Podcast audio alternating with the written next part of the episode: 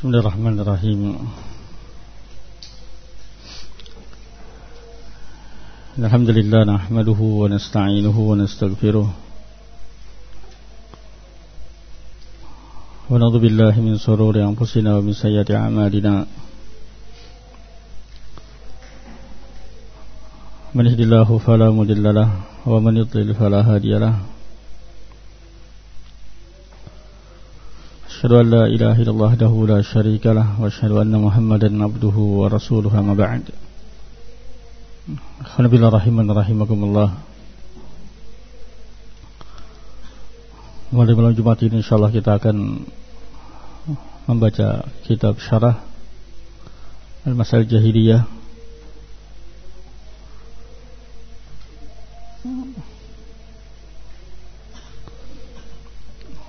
yang kita baca adalah syarah dari Syekh Salih Fauzan hafizahullah taala.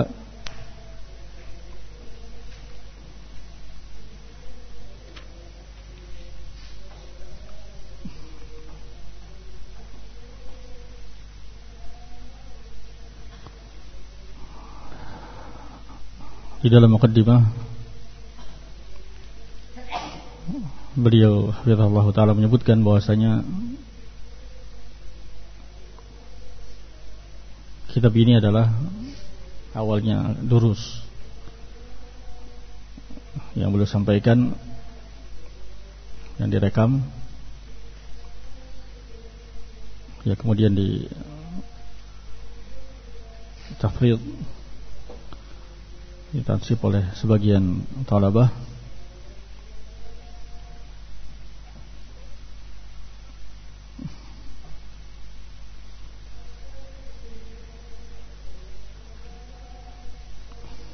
dan kemudian diminta untuk disebar dan inilah yang kita baca insyaallah syarah al-masail jahiliyah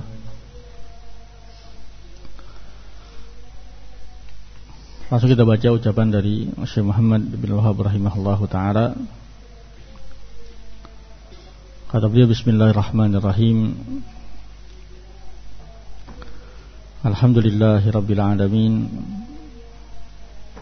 Ada ucapan Syekh Saleh Fauzan hafizahullah. Pada Syekh Saleh Fauzan hafizahullah taala.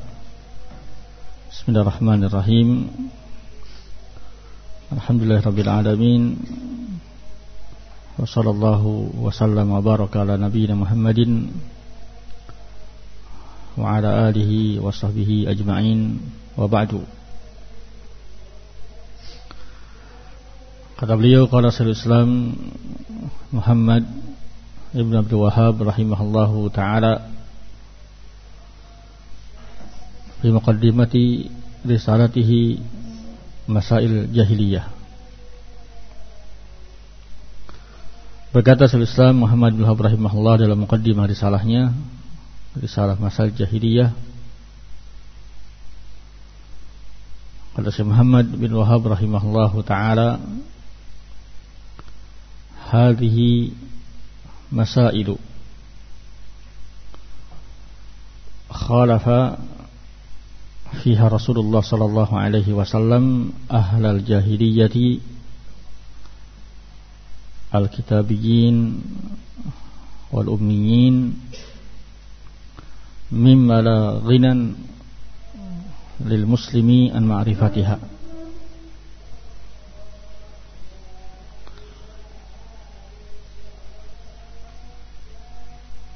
Al-Diddu yudhiru husnahu al-Diddu Wabididdiha tatabayyanul asya'u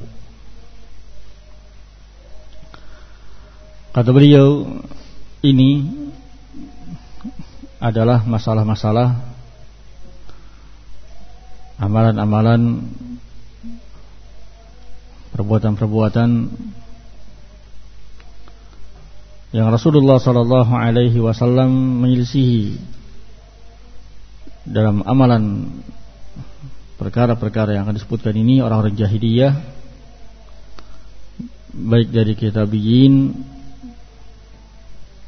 Yahudi dan Nasara atau dari kalangan ummiyin ini orang-orang Arab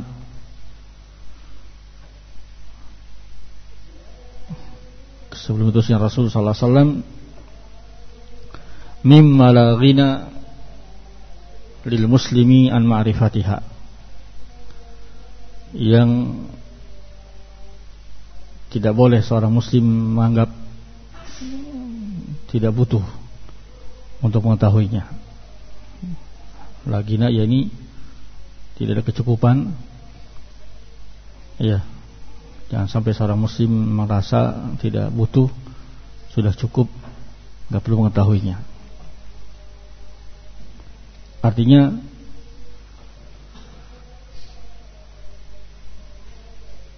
butuh seorang muslim untuk mengetahui perkara-perkara ini.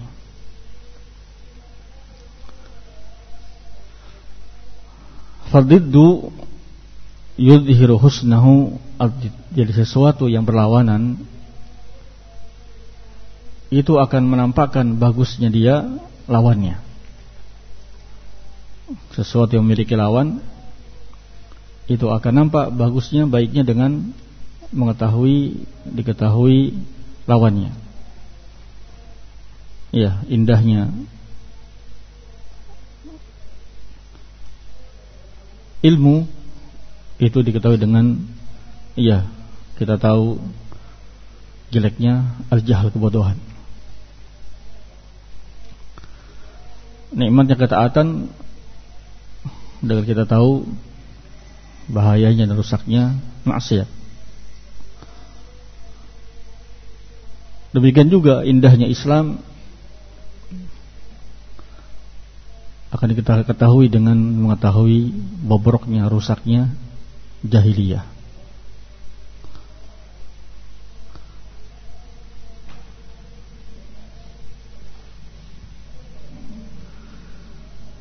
Wabididdiha dengan lawannya tatabayyanul asya'u akan jelaslah sesuatu.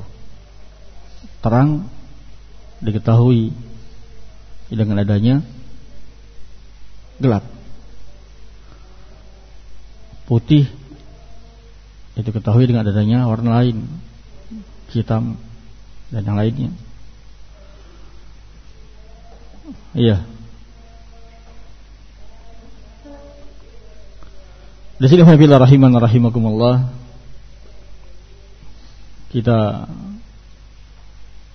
mengetahui dari mukaddimah beliau rahimahullahu taala bahwasanya isi dari kitab ini adalah terkait dengan iya perbuatan-perbuatan jahiliyah dan juga akan kita tahu bagaimana Rasul sallallahu alaihi wasallam menyelisihi mereka orang jahiliyah. Yang kedua, beliau rahimahullah taala menerangkan bahwasanya seorang muslim perlu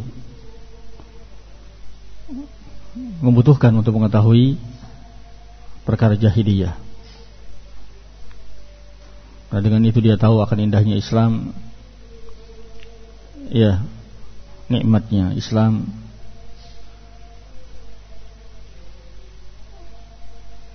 Di dalam syarah Syekh Fauzan hafizahullah taala menyebutkan tidak boleh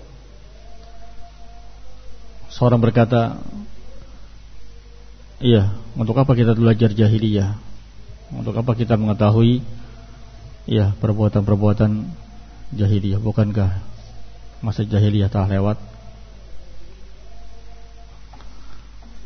Tidak boleh seorang beranggapan demikian merasa tidak butuh mengetahui perkara-perkara jahiliyah dengan alasan zaman jahiliyah telah lewat. Kenapa? Yang pertama, ya kita mengetahui amalan-amalan jahiliyah itu kita menjauh darinya, menghindar darinya. Karena semua perkara yang disebahkan kepada jahiliyah itu madhmum. Semua perkara ucapan, perbuatan yang disebahkan kepada jahiliyah itu tercela. Sehingga seorang muslim harus tahu perkara-perkara jahiliyah dalam rangka al-hadar minhu untuk dia menjauh darinya, menghindar darinya. Iya. Arabtu syarra la li syarri walakin yatawaqihi. Wa man lam ya'rif syarra min al-khairi yaqa'u fihi. Kata penyair, aku tahu berupaya mengetahui kejelekan itu untuk berbuat bukan untuk berbuat jelek. Tetapi aku mengetahui kejelekan, mengetahui belajar apa itu syirik dan bahaya syirik, macam-macam syirik. Belajar bid'ah, apa itu bid'ah, bahaya bid'ah, macam-macam bid'ah. Ini belajar apa itu jahiliyah, apa perbuatan-perbuatan jahiliyah, bahayanya. Bukan untuk melakukannya, tetapi walakin li'atawaqih, tapi untuk aku menjauhinya. Iya, belajar kabair, apa itu kabair, berdosa besar, apa macam-macam dosa besar. Bukan untuk melakukan tapi dalam rangka menjauhinya, menghindar darinya. Karena barang siapa yang tidak tahu kejelekan dari kebaikan, dia hanya mau belajar, tidak mau mengetahui apa itu syirik, apa itu bid'ah, apa itu jahiliyah, Iya, dia akan terjatuh padanya. Dia akan terjatuh ke dalam kesyirikan dalam keadaan dia tahu tidak tahu itu syirik. Terjatuhlah ke kebidahan, kesesatan dalam keadaan dia tidak tahu adalah bidah kesesatan. Ini yang pertama. Seorang muslim yahtaj ila ma'rifati amri jahiliyah, umur jahiliyah untuk al-hadar minha. Yang kedua kata beliau rahimahullahu taala, seorang muslim harus tahu Penting untuk tahu Iya perkara jahiliyah Karena dengannya Dia akan tahu keutamaan Islam Dengan dia akan tahu Keutamaan Islam. Iya Tadi kata penyair Fadiddu Yudhiru husnahul did Wabididdiha Tatabayyanu al-asya'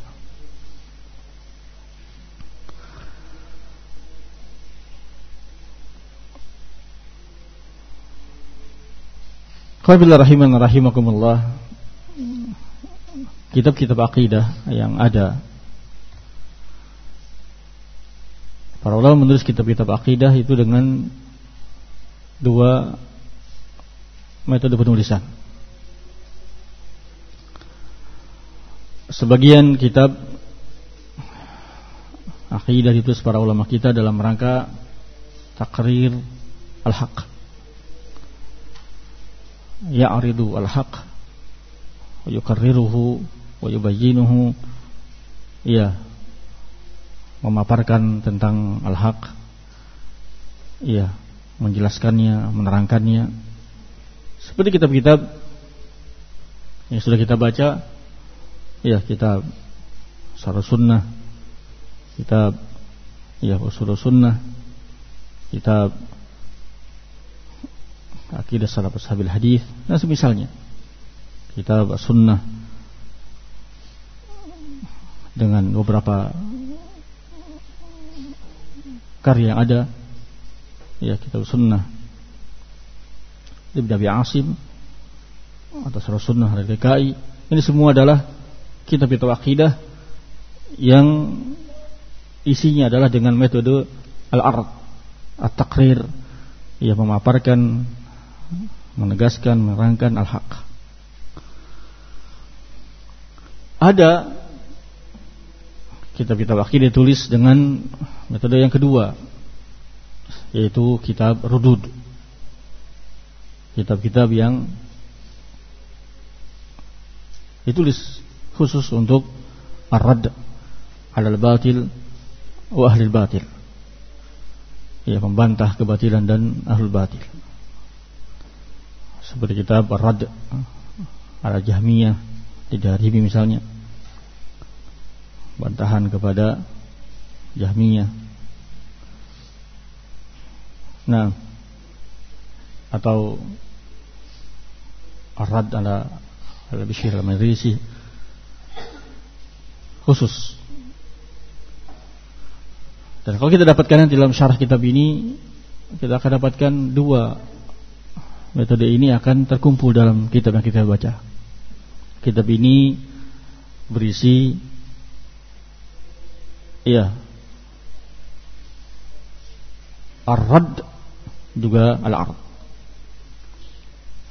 Memaparkan bagaimana batilnya jahiliyah, perbuatan jahiliyah, iya, tercelanya perbuatan jahiliyah, ini rudud dan juga akan ada takrir.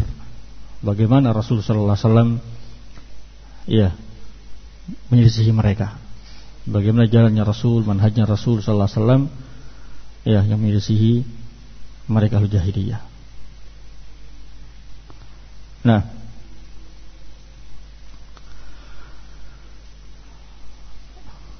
Berkata si Muhammad bin Wahab taala kata beliau rahimahullah taala fahammu ma fiha wa shadduha khataran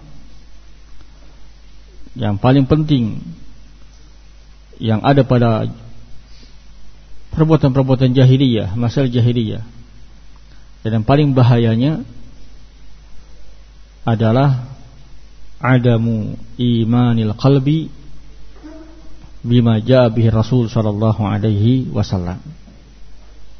Itu perkara yang paling parah yang paling membahayakan pada orang-orang jahiliyah adalah tidak berimannya kalbu mereka tidak ada iman kepada apa yang dibawa oleh Nabi Muhammad sallallahu alaihi wasallam Rasul sallallahu alaihi wasallam. Iya. Karena itu adalah sebab kekal seseorang dalam neraka.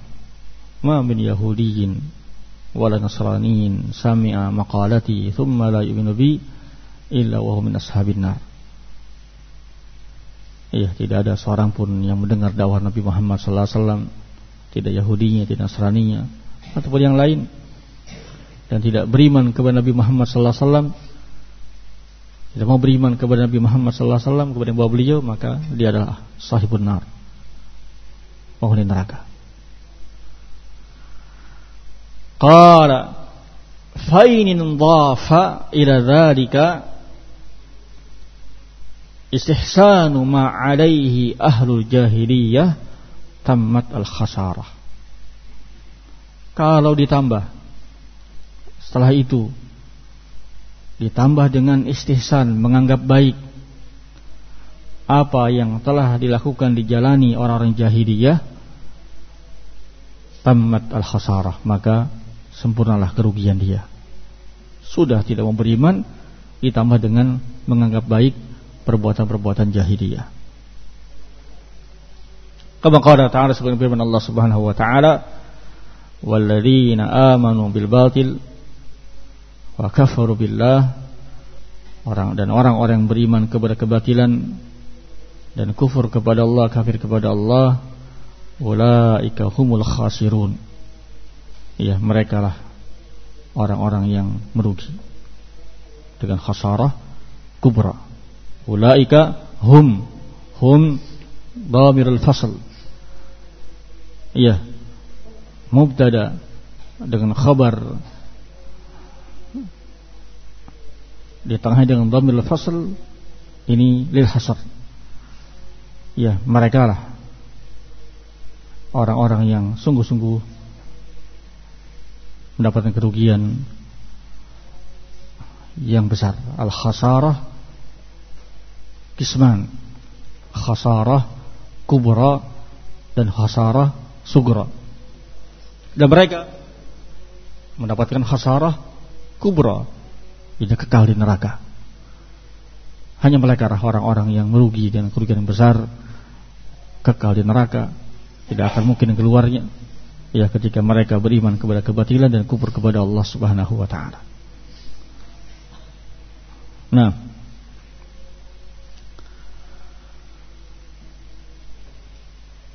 Kemudian beliau rahimahullah, tahfidahullah, Syekh Fauzan hafizahullah taala mulai mensyarah, kata beliau rahimahullah, tahfidahullah syarah, hadhihi risalatun min rasaili Syekh Muhammad Ibn Abdul Wahab rahimahullah taala.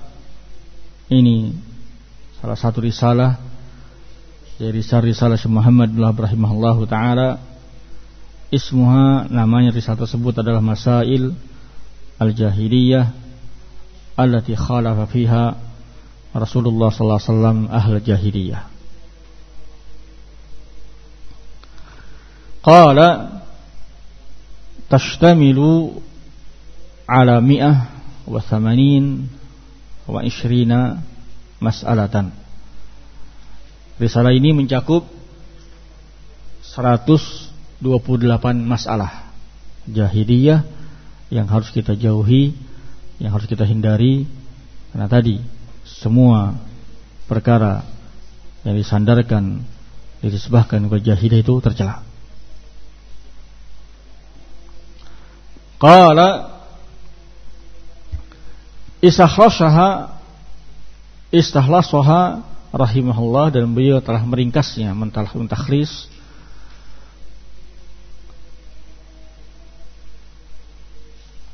minal kitab wa sunnah dari Al-Quran wa sunnah wa aqwali ahli ilmi. Qala kata beliau rahimahullahu taala wal ghardu min dhalik dan yang tujuan dari itu tujuan dikumpulkannya masalah jahil dalam satu kitab dalam satu risalah adalah tanbihul muslimin ya untuk memberikan peringatan kepada kaum muslimin. Min ajli an yajtanibu hadil masail agar mereka menjauhi masalah-masalah ini, perbuatan-perbuatan jahiliyah ini. Li'annaha khatiratun jiddan. Ya, karena masalah-masalah perbuatan-perbuatan mereka itu khatiratun jiddan berbahaya sekali. Ya. Disebutkan nah dalam syarah kita baca ada beliau Allah taala ucapan Umar bin Khattab radhiyallahu anhu.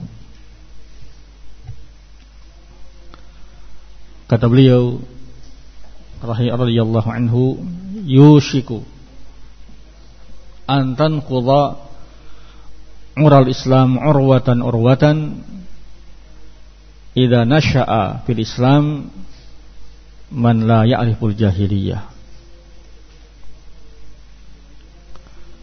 Kata beliau yushiku yani sebentar lagi.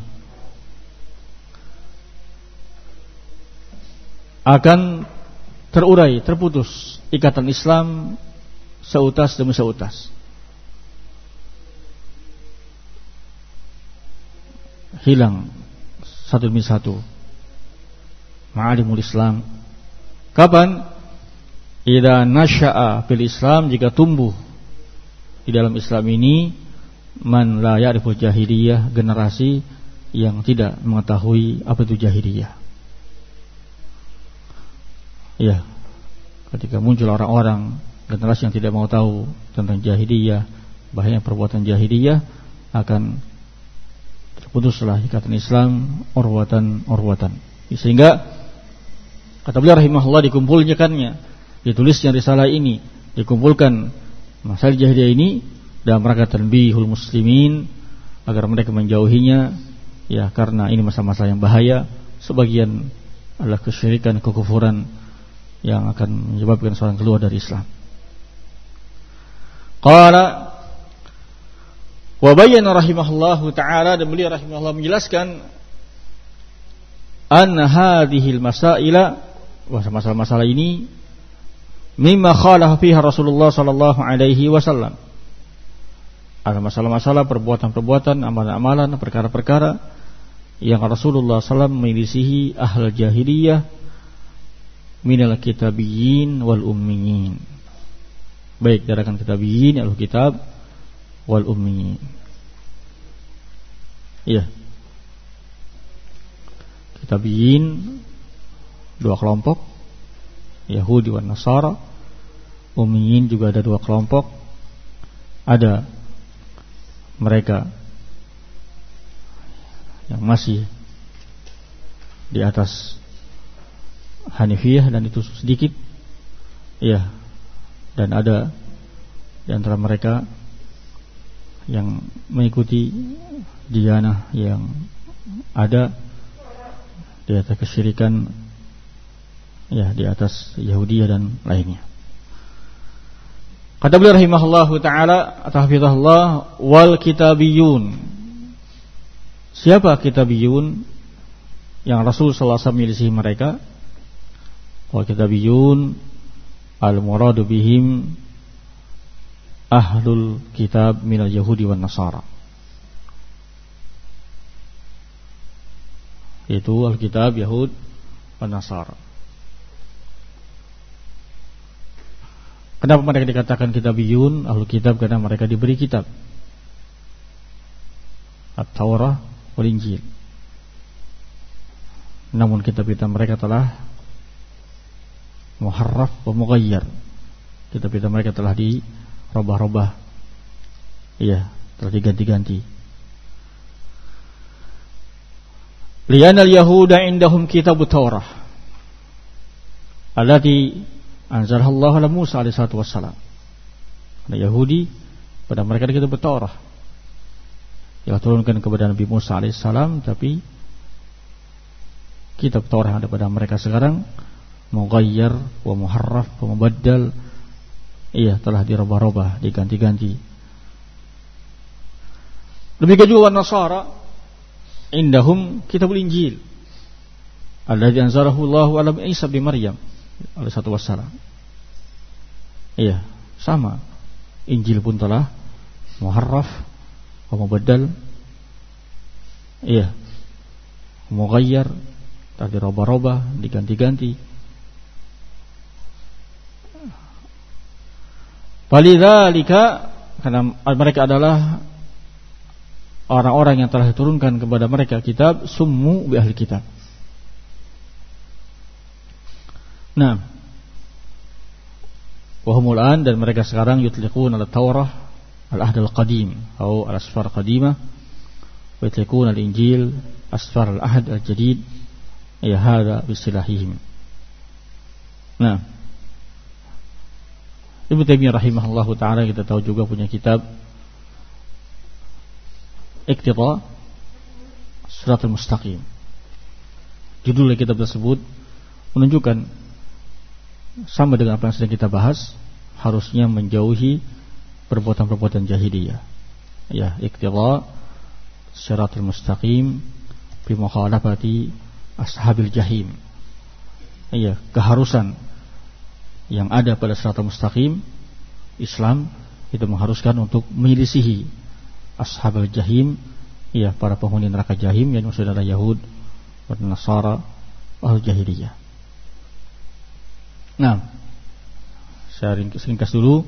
Yang pertama kita dapatkan dari ucapan beliau, ini adalah masalah jahiliyah dan dimaksud dengan jahiliyah di sini adalah ahlu kitab wal ummiin ini orang-orang Arab.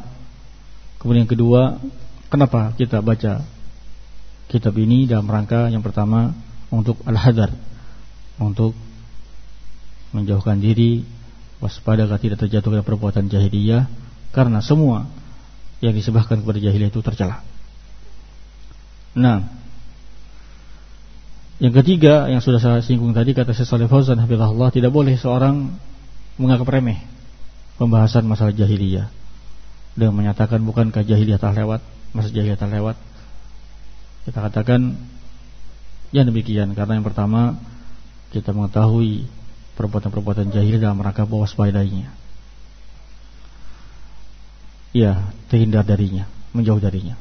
Dan yang kedua, dengan seorang mengetahui perbuatan-perbuatan jahiliyah, dia akan tahu indahnya Islam. Indahnya Islam. Ketika seorang mengetahui bagaimana hinanya wanita di zaman jahiliyah. dia akan tahu bagaimana Islam memuliakan para wanita. Iya, ketika dia tahu bagaimana model-model pernikahan di zaman jahiliyah menjijikan, rusak. Dengan dia tahu ya indahnya Islam, bagaimana Islam sangat menjaga nasab, sangat menjaga kehormatan pemeluknya. Itu. Allah alam. Assalamualaikum warahmatullahi wabarakatuh.